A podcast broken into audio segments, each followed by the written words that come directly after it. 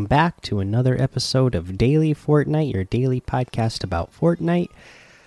I'm your host, Mikey, aka Mike Daddy, aka Magnificent Mikey. Uh, so, for news today, first up, uh, we'll let you know that there is an update coming tomorrow. So, it's going to be April 21st. Uh, downtime will be at 2 a.m. Eastern.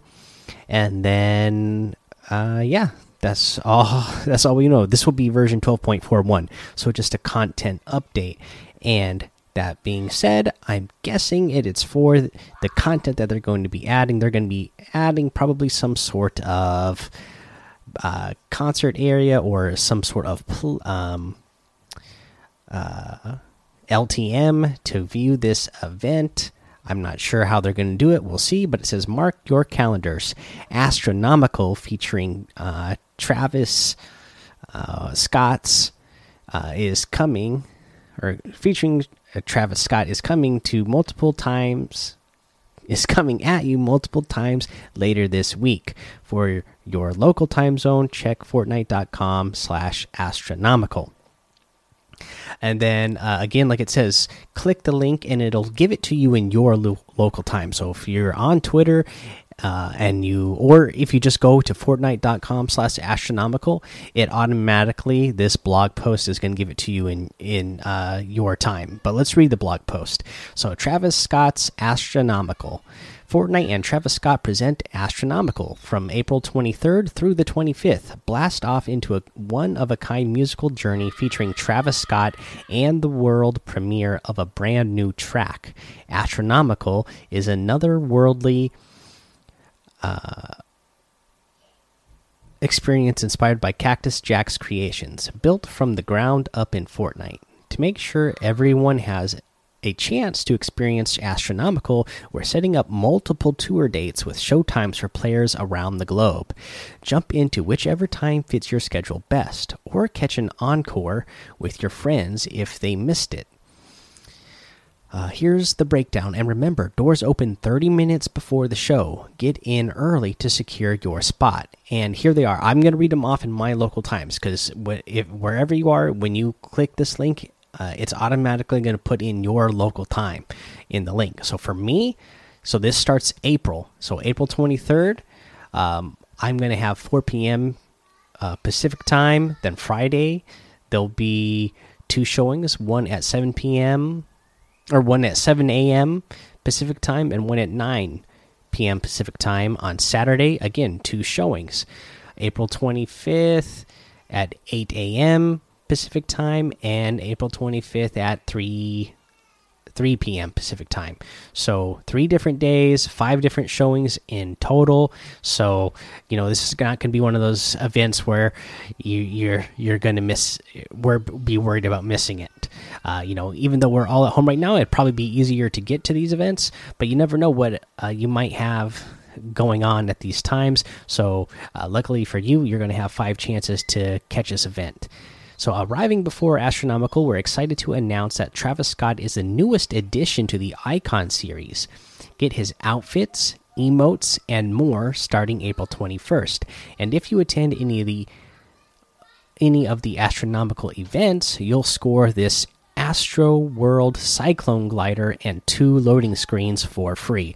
And I gotta say, you guys, that this uh, this uh, Astro World Cyclone glider. It's a pretty cool looking glider. You know, it looks like a roller coaster uh, seat or a ride, a car, whatever you call it.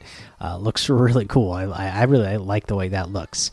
So, starting April 21st, you can unlock even more free gear by completing the astronomical challenges. Uh, and then it looks like there's a, a banner, a spray, an emote.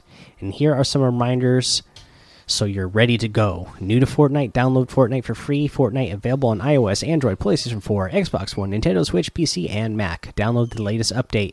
The version 12.41 update will be available starting April 21st. Leave yourself plenty of time to download the game depending on your connection speed so you so you're ready for the Fortnite Travis Scott event.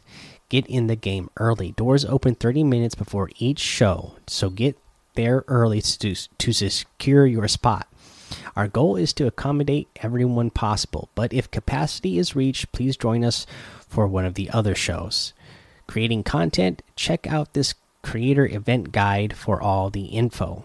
Encore. The astronomical tour dates are not region locked, but we've selected times to make sure everyone has a chance to attend. See you on tour. So, again, make sure you click that link so you see what time it is showing uh, in your local region. Uh, that when I click the link, it gives me the times for my local region on the Pacific Coast here. Uh, so if you want to go attend the event and uh, get some really cool free items, then uh, make sure you know what time to be there. Uh, let's see here. That's the end of the post. So yeah, uh, pretty cool. I mean, the event, the way they are marketing it, looks like it's going to be cool. So you know, I, am excited for. It. I don't really know uh, Travis Scott or any of his music, but I, I really like the visuals of uh, the, the, stuff they're adding in, so uh, that's cool. let's see here. Uh, yeah, yeah, I'm old. Uh, let's go ahead and move on to a challenge tip. So let's see here for the challenges. Uh,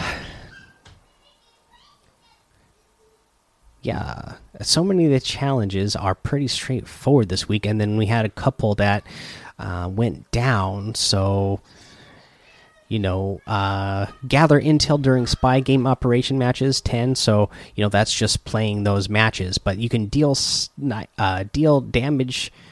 Uh, to players with sniper rifles, 300 in total. While you're doing that, because you can get, uh, you know, a sniper rifle in that mode, and again, because you're going to have plenty of chances to shoot other players, that should be a good place to get that uh, challenge done while you're getting the other challenge uh, done at the same time. Obviously, I think you could do this. Uh, they have the uh, supply drops in that mode too, right?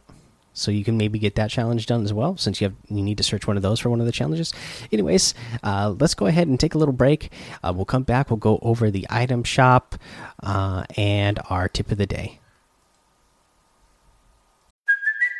It's Kaley Cuoco for Priceline. Ready to go to your happy place for a happy price? Well, why didn't you say so? Just download the Priceline app right now and save up to 60% on hotels. So, whether it's Cousin Kevin's Kazoo concert in Kansas City, go Kevin, or Becky's Bachelorette Bash in Bermuda, you never have to miss a trip ever again. So, download the Priceline app today. Your savings are waiting.